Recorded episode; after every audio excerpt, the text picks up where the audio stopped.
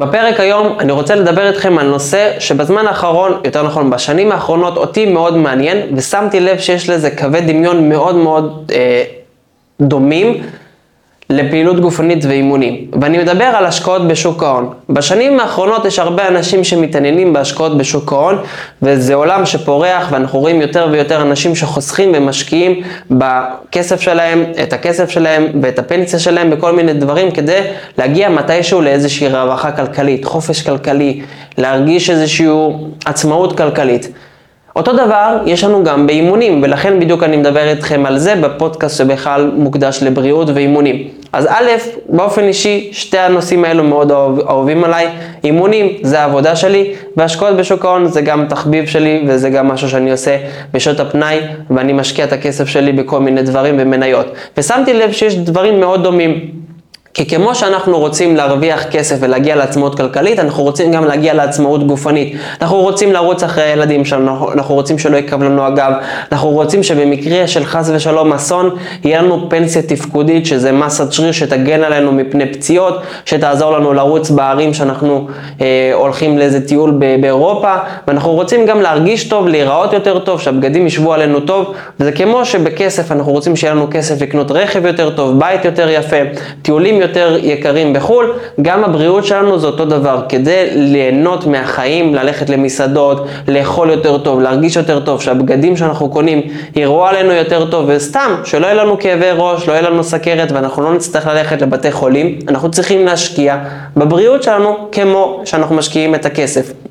אז יותר ממה שאתם חושבים, יש קווי דמיון מאוד מאוד דומים בין איך משקיעים בשוק ההון לאיך בונים תיק של השקעות בש... ב... ב... בבריאות שלנו. אז על זה בדיוק אנחנו הולכים לדבר בפרק. איך אנחנו בונים תיק השקעות פרטי לבריאות שלנו. איך אנחנו בונים תיק של בריאות שבסוף יביא אותנו לעצמאות, לעצמאות בריאותית, לפנסיה תפקודית, לכל הדברים האלו שיגרמו לנו להרגיש יותר טוב עם הגוף שלנו. אז על מה אנחנו הולכים לדבר בפודקאסט הזה? על הנקודות ממשק הממשק בין השקעות שוק ההון לבריאות גופנית ואיך אנחנו מיישמים את זה תכלס בשטח מחר בבוקר. אתם עושים את זה ובונים לעצמכם אימונים, תוכניות אימונים, אסטרטגיות לאימונים ולתזונה שיכולים לעזור לכם להגיע לעצמאות גופנית. בואו נעשה את המטבע הלשון הזה, עצמאות גופנית. אז לפני שאנחנו מתחילים, פתיח קצר ואנחנו כבר צוללים לתוך הנושא הזה.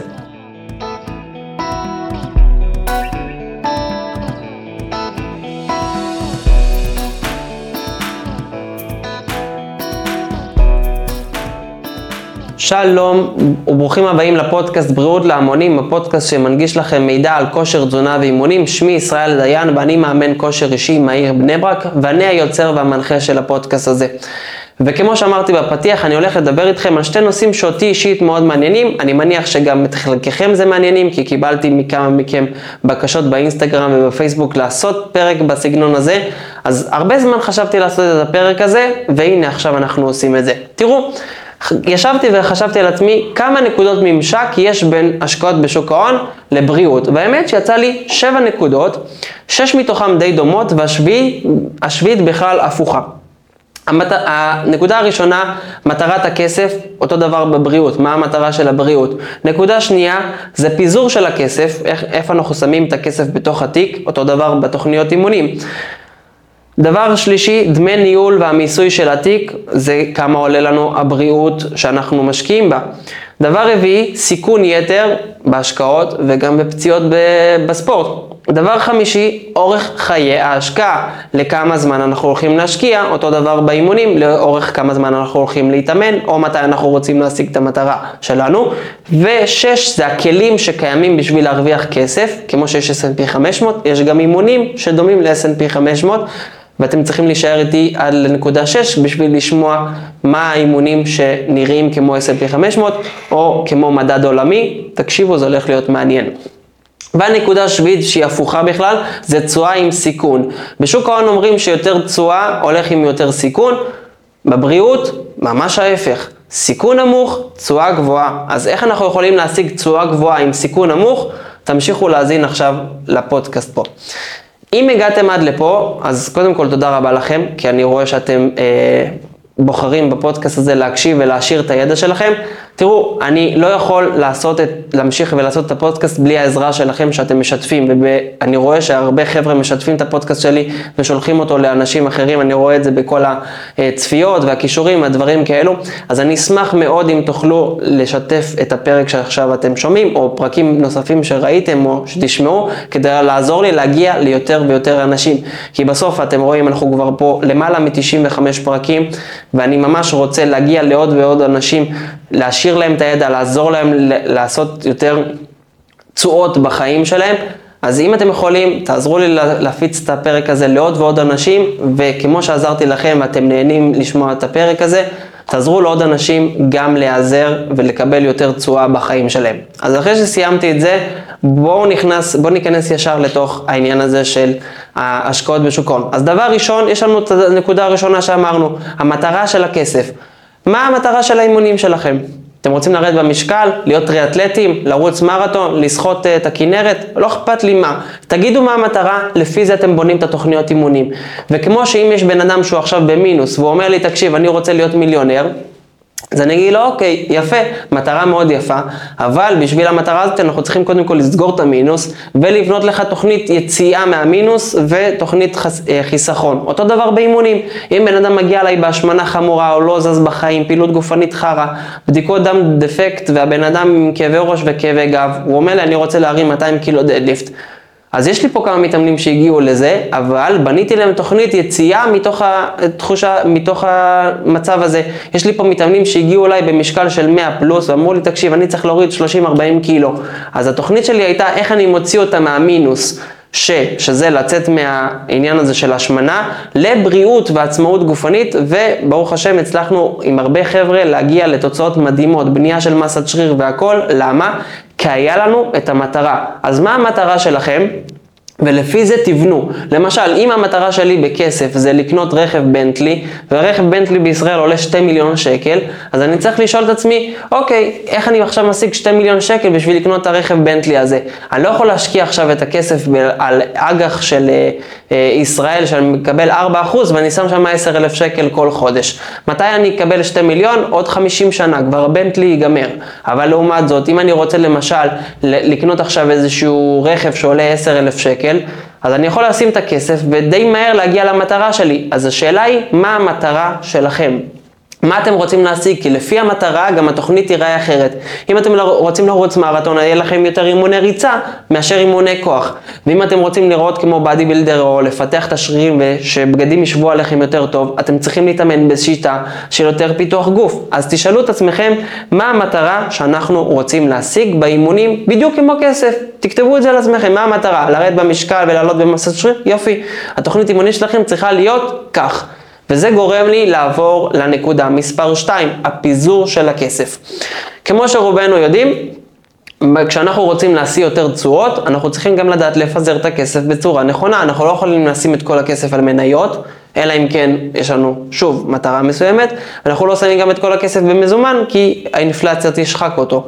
אז תחשבו על הבריאות שלנו כמו אינפלציה. אם אתם לא משקיעים בכסף, הגוף שלכם, אז הגוף שלכם נשחק. מה זאת אומרת? האינפלציה שוחקת לכם את הכסף, שוחקת לכם גם את הגוף. יש את האינפלציה בריאותית, בואו נקרא לזה ככה. אז בשביל זה אנחנו מפזרים את ההשקעה שלנו ב- ב- בבריאות בכמה אפיקים. אפיק ראשון זה אפיק התזונה, שזה יעני ההכנסות שלנו. אנחנו אוכלים יותר טוב, עובדים. במקום יותר טוב, אז יש לנו גם תזונה יותר טובה. למשל, אם אני רוצה עכשיו להפריש 20 אלף שקל בחודש לשוק ההון, אני צריך לעבוד בעבודה שנותנת לי מספיק כסף, שיהיה לי כסף להפריש אותו לשוק ההון. אותו דבר בתזונה, אם אני רוצה להתאמן ברמה מאוד גבוהה ולבנות מסת שריר, אני צריך שיהיה לי מספיק קלוריות ומספיק חומר אנרגיה בגוף כדי להשקיע את האנרגיה הזאת באיזשהו משהו. אז למשל, אם למשל אני לא אוכל טוב, אז הדבר ראשון אני צריך להשקיע קודם כל בתזונה. אחרי זה אני מפזר את הכסף לאימונים. כמו שאמרתי, אם אני רוצה לעלות במסת שריר, אני בוחר באימוני כוח.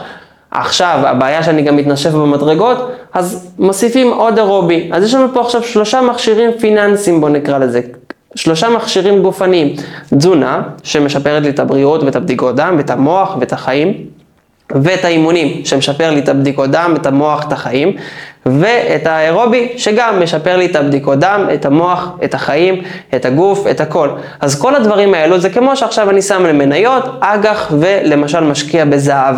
כל דבר חשוב בפני עצמו, כל דבר מביא תשואה בפני עצמו. גם אם אני רק אוכל טוב, אני ארגיש יותר טוב. גם אם אני רק אתאמן בלי לאכול יותר מדי טוב, אני ארגיש יותר טוב עם עצמי עד גבול מסוים. וגם אם אני אעשה רק אירובי, בלי להתאמן אימוני כוח ולאכול טוב, אני גם ארגיש באופן מסוים יותר טוב, אבל שוב, לכל אחד יש את היתרונות והחסרונות. זה כמו שאני אשקיע את כל הכסף שלי בזהב, הסיכון שלי הוא משהו, ואם אני אשקיע את כל הכסף שלי ב-S&P 500, גם הסיכון הוא בצורה מסוימת. אז הפיזור של הכסף, אז זה הנקודה השנייה. אז אמרנו שיש לנו את המטרה של הכסף ואת הפיזור של הכסף. נקודה שלישית, יש לנו את הדמי ניהול והבעיות מיסוי שיש לנו בתוך התיק. כמו שאם אנחנו משקיעים בשוק אנחנו צריכים לשלם מס, אותו דבר אם אנחנו משקיעים בגוף שלנו אנחנו צריכים לשלם על זה. בסוף אין דבר כזה בחינם. כשאנחנו קונים אוכל יותר בריא, בדרך כלל הוא עולה יותר יקר. אנחנו צריכים גם ייעוץ פיננסי שזה ייעוץ תזונתי או אימונים. למשל, בניגוד ל...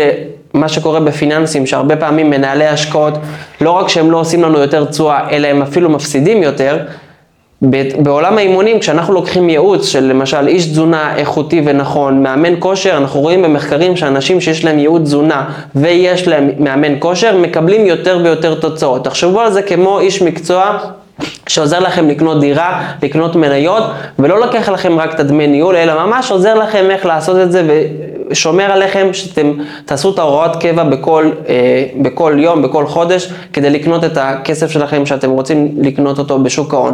אז אותו דבר פה, כשאנחנו למשל בונים איזשהו תיק בריאותי, זו שאלה כמה כסף עולה לנו להשקיע בבריאות שלנו.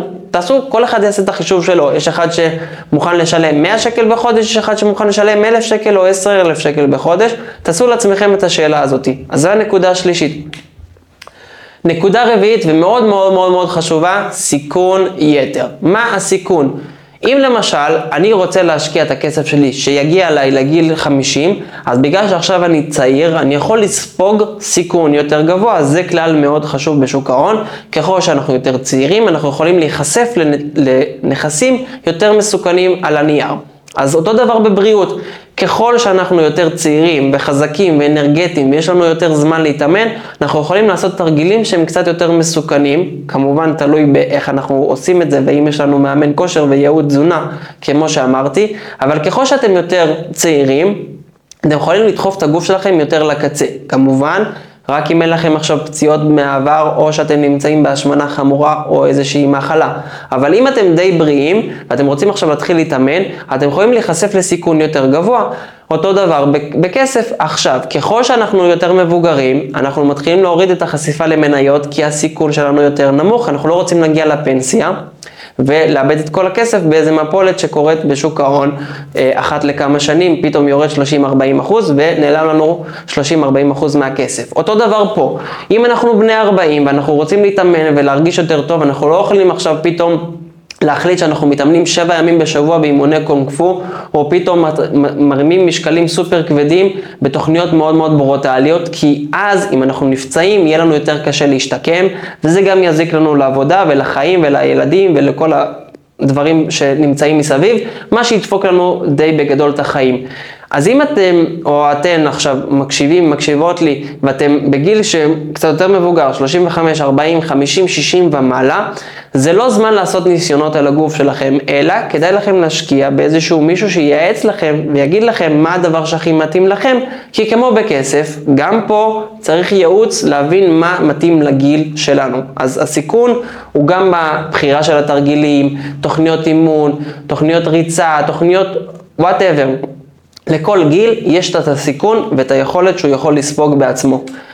נקודה חמישית זה אורך חיי ההשקעה. כמו בשוק ההון, גם ההשקעות בבריאות זה בדרך כלל לאורך זמן. וכמו שיש ריבית דריבית בעולם ההשקעות, יש ריבית דריבית בעולם של השקעות בגוף. תחשבו על זה, מתאמן שהתחיל להתאמן בגיל 20, והוא מתחיל להוסיף מסת שריר, אז הוא מרגיש הרבה יותר טוב לאורך יותר זמן, הוא גם, הכושר שלו נבנה לאורך יותר זמן כי הוא צעיר, וזה הזמן לבנות בסיס טוב. אותו דבר בכסף, מי שמפריש לפנסיה בגיל 20, אנחנו רואים הבדלים של מיליונים בין בן אדם שהתחיל להפריש לפנסיה בגיל 20, גיל 30 או גיל 40.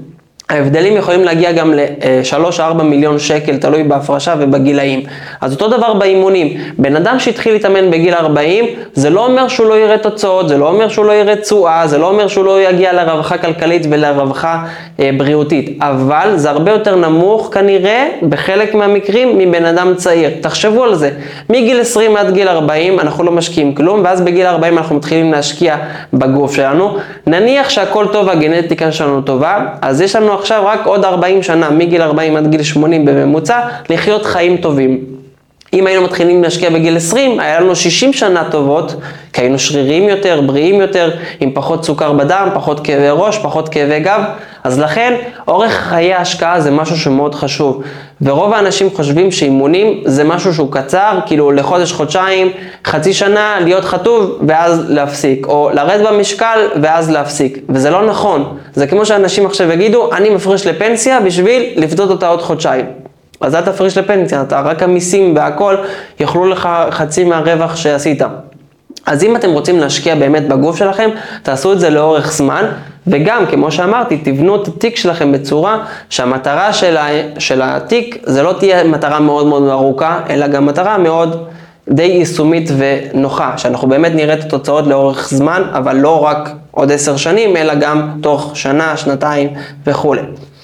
הנקודה השישית זה הכלים הקיימים בלהרוויח כסף ובריאות. כמו שיש לנו מדדים עולמיים, שזה למשל אה, המדדים שמחקים את כל הבורסות העולמיות או החברות הכי גדולות בעולם, S&P 500, אני מניח שהרבה מכם שמעו את המושג הזה S&P 500, שזה אומר 500 החברות הכי גדולות, הכי גדולות בארצות הברית, אנחנו משקיעים בהן. אותו דבר ב, כמו S&P 500, יש אימוני S&P 500, בוא נקרא לזה ככה. מה זאת אומרת? זה אימונים שאנחנו עושים לכל הגוף ואנחנו די מכסים את כל הפונקציונליות והיתרונות שאנחנו צריכים בשביל הגוף שלנו. לדוגמה, אם למשל אני רוצה להיראות יותר טוב, להרגיש יותר טוב, להיות גמיש ולהיות חזק ולהיות גם uh, שרירי, אז מה שאני אבחר זה אימונים לכל הגוף שמערבים את כל הגוף. מה זאת אומרת? אני אעשה סקוט ודדליפט ולחיצת חזה ולחיצת כתפיים ומתח וחתירות ופשיטות ברכיים ומכרעים ואמרתי uh, כבר דדליפטים וידיים וכתפיים. וגם אני יכול לבחור אימונים שמתומצתים. למשל, כשאני עושה מתח כבד, אני עובד גם על הידיים, גם על הגב, וכמו שרבים מכם ששמעו כבר עוד כמה וכמה פרקים פה בפודקאסט, ואולי אפילו עשרות פרקים, יודעים שאני דוגל בתרגילים מורכבים. מה זאת אומרת? למשל, אתם החלטתם שהמטרה שלכם זה להיות שרירים יותר, חזקים יותר ומהירים, וגמישים יותר. אז איך אנחנו עושים את זה? בצורה מאוד פשוטה. אנחנו עושים את זה נגיד לפעמיים בשבוע. אוקיי, והחלטנו שאנחנו עושים אימון אחד של כוח ואימון אחד של ריצה, שזה יפה ומעולה. אוקיי, אז איך אנחנו עושים את זה בצורה טובה? את האימון של כוח אנחנו עושים לכל הגוף. אנחנו מערבבים שם שרירים גדולים, למשל אנחנו עושים תרגיל ראשון סקווט, תרגיל שני לחיצת חזה אה, עם משקולות, תרגיל שלישי דדליפט כבד, תרגיל רביעי מתח כבד ותרגיל חמישי לחיצות כתפיים כבדות וישר אחרי זה סופר סטים ליד קדמית ויד אחורית ואז מסיימים בקינוח של איזה בטן, הרמות רגליים ופלנק. הנה, עכשיו אמרתי לכם אימון לכל הגוף שמערבב כמעט את, מערב, סליחה, לא מערבב, כמעט את כל השרירים בגוף, ואתם יוצאים מפה אחרי שבע תרגילים, שמונה תרגילים, נגעתם בכל שריר בגוף, גם חיזקתם, גם התגמשתם, גם עליתם במסת שריר, זה כמו S&P 500, תחשבו, שמתם את הכסף, השקעתם ב-500 חברות בארצות הברית, הכי גדולות, אותו דבר פה, השקעתם באימון הזה, יש לכם פה את כל השרירים של הגוף. אם אתם רוצים להתחיל לאסוף מניות בודדות, שזה מה שאומר להתחיל להתאמן באימונים של חלוקות של אני עושה אגודל ימין עם זרת שמאל, זה גם בסדר, כל אחד יכול לעשות מה שבא לו. יש אנשים שעושים ידיים יום שלם במשך השבוע, למה? הם מתאמנים 5-6 פעמים בשבוע, אז טוב להם לעשות ידיים. זה כמו שיש אנשים שמשקיעים 100 אלף שקל במניה מאוד בודדת, למה? כי התיק שלהם שווה מיליון, ויש להם אה, יכולת לנתח את המניות ולהקדיש את הזמן ואת הכסף שלהם למניות האלו, אז הם יכולים לעשות את זה גם במניות בודדות. אבל אם אין לכם למשל את היכולת להשקיע במניות אה, אה, עכשיו בודדות, או איך שאומרים, בתרגילים בודדים ובאימונים מאוד ספציפיים, אתם יכולים לעשות את זה בסוג של לקנות את המדדים. אתם פשוט קונים את האימון כושר הכי טוב שמתאים לכם לכל הגוף. ואם אני חוזר להתחלה, פה נכנס שוב כל העניין הזה של הייעוץ של הכושר, את המאמני כושר שבונים לכם תוכנית שמתאימה לכם ולמטרות שלכם. אז אם אני אסכם עד עכשיו את השש נקודות, היה לנו שוב, מטרה של הכסף, הפיזור של הכסף, דמי הניהול של הכסף, ושל, וכמובן כל מה שאני אומר כסף זה הגוף שלנו. אז המטרה של הגוף שלנו, הפיזור של התוכנית אימונים של הגוף שלנו, דמי הניהול של התוכנית בריאות שלנו, הסיכון, אורך חיי ההשקעה והכלים הקיימים להרוויח כסף ובריאות. נקודה שביעית ואחרונה, תשואה וסיכון. המשפט הידוע בשוק ההון אומר, תשואה שווה סיכון. זאת אומרת, ככל שהסיכון יותר גבוה, ככל הנראה התשואה תהיה יותר גבוהה וכן ההפך. אם מישהו אומר לכם, בואו תעשו 100% על הכסף, אז או שזה טסלה בימי הקורונה או אה, AMD שבסוף אחרי זה תצלול, אבל שוב, יש לכם פה סיכון מאוד גבוה לעשות 100% על הכסף. אם מישהו אומר לכם, בואו, שימו 1,000 שקל, אני מחר מכפיל לכם את זה ל-2,000 שקל, תשאלו איפה הכסף הולך להשקיע, כי בדרך כלל אנשים לא ישלמו 100% על הכסף אם אין פה איזה תשואה, אה, סיכון מאוד גבוה. אותו דבר בכושר, אבל הרבה פעמים זה לא נכון. למה? זה נכון שלמשל, לעשות, אה, אה, איך שאומרים, נגיד עמידת ידיים על יד אחת על כדור בוסו, אז זה נגיד כאילו שפיץ של איזה יכולות של עמידות ידיים, הסיכון זה לפרוק את הכתף וליפול ולשבור את הקרסול או את האגן. וזה נכון בחלק מהתרגילים, אבל הרבה פעמים אנשים יכולים להשיג תשואה, שזה אומר להיות בעצמאות פיזית, עצמאות גופנית כמו שאמרתי, ורווחה בריאותית, עם כמעט אפס סיכון. מה זאת אומרת? כל האימונים שאני דוגל בהם, אימוני כוח, זה אימונים הכי בטוחים כמעט בעולם. מאוד קשה להיפצע מהם. ומאוד קשה לדפוק אותם. יש הרבה אנשים שנפצעים כי שוב, הם עושים הרבה פעמים שטויות או גנטיקה קצת לא טובה, אבל בסוף הדבר הכי בטוח זה להשקיע באימונים האלו, כמו שאמרתי, אימוני כוח, אימוני משקל גוף, אימונים לכל הגוף, אימוני ריצה. ברגע שעושים את זה נכון, זה נותן לנו תשואה אקספוננציאלית, תשואה מטורפת, אבל הסיכון יחסית נמוך. תחשבו על זה, אם אתם מתאמנים רק פעם, פעמיים, שלוש בשבוע, שזה לא הרבה, למשך 40 דקות, שעה, אתם באופן מחקרי וגם מבוסס בשטח, אנחנו רואים את זה, יכולים לרדת במשקל, לשפר ביצועים, לעלות במסת שריר, לשפר בדיקות דם, לשפר את הבדיקות של הלב שלכם, לשפר את המוח, לשפר כל כך הרבה דברים, להרגיש יותר צעירים, להרגיש יותר רעננים, להרגיש יותר טובים, וכל זה משלוש שעות בשבוע, שלא דורשות מכם סיכון מטורף. אתם לא עכשיו מטפסים על איזה הר, אתם כולה הולכים לחדר כושר, זה לא כולה, אבל הולכים לחדר כושר ומרימים משקלים, מתאמצים, מזיעים קצת, מתקלחים, הולכים הביתה, והשריר שלכם גדל, אוכלים קצת יותר טוב. אז תראו, בסוף, בעולם הכושר, תשואה מרבית יכולה להגיע גם מדבר עם סיכון נמוך. אז אם אתם רוצים באמת להשיג יותר תשואות, אתם צריכים לדעת פשוט איך להשקיע בזה בצורה טובה בלי להסתכן יותר מדי. אז תראו, אני מאוד מאוד מקווה שקלטתם את כל הפרק, אני יודע שדיברתי די מהר, אז אני א' כל מצטער על זה, יש מישהו ששאל אותי אם הפודקאסט שלי בטעות הוא על אחד וחצי, אבל לא, אני פשוט מדבר מהר, אז אני יודע את זה, אז אם קשה לכם, אז אתם יכולים עכשיו להאט קצת את הפרק. אז אם אני אסכם בסוף את הפרק הזה, תראו, בסוף השקעות זה משהו שמחליט לנו על החיים. זאת אומרת, אם אנחנו לא נשקיע ולא נחסוך, אנחנו נגיע לגילאי מבוגר, לגיל מבוגר, או למקרה אסון, או למקרה של חירום, ולא יהיה לנו את הכסף שאנחנו צריכים, וזה די דופק לנו את החיים. מאוד קשה לטפל ב... ב בפציעות, במחלות, כשאין כסף, כי אז צריך להתפטר מהעבודה ואין כסף להכניס לבית, וזה מאוד מאוד מסובך להמשיך להביא כסף לטיפולים רפואיים מאוד מאוד יקרים. אותו דבר בכושר. כשאנחנו כבר מגיעים למחלות חס ושלום, לכאבים, מאוד קשה לצאת מהנקודה הזאת. מאוד קשה לגרום לבן אדם עם כאבי גב, ובעיות בעמוד שדרה, ולחץ עצבי במותן, וכל מיני דברים כאלו, להרים עכשיו דדליפט כבד, להרים את הילדים שלו, להרים קניות בלי שיכאב לו.